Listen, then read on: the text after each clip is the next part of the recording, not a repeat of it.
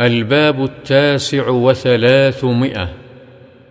باب النهي عن البصاق في المسجد والأمر بإزالته منه إذا وجد فيه والأمر بتنزيه المسجد عن الأقذار.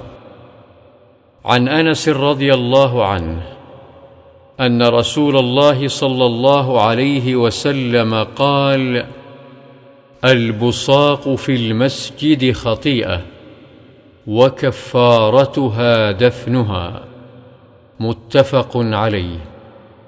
والمراد بدفنها إذا كان المسجد ترابا أو رملا ونحوه فيواريها تحت ترابه.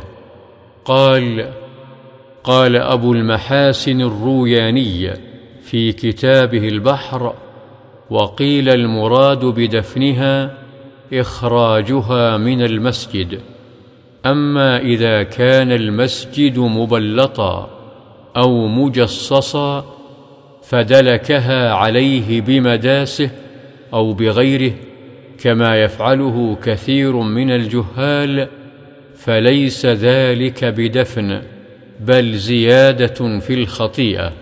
وتكثير للقذر في المسجد وعلى من فعل ذلك أن يمسحه بعد ذلك بثوبه أو بيده أو غيره أو يغسله. وعن عائشة رضي الله عنها أن رسول الله صلى الله عليه وسلم رأى في جدار القبلة مخاطا أو بزاقا أو نخامة فحكه متفق عليه.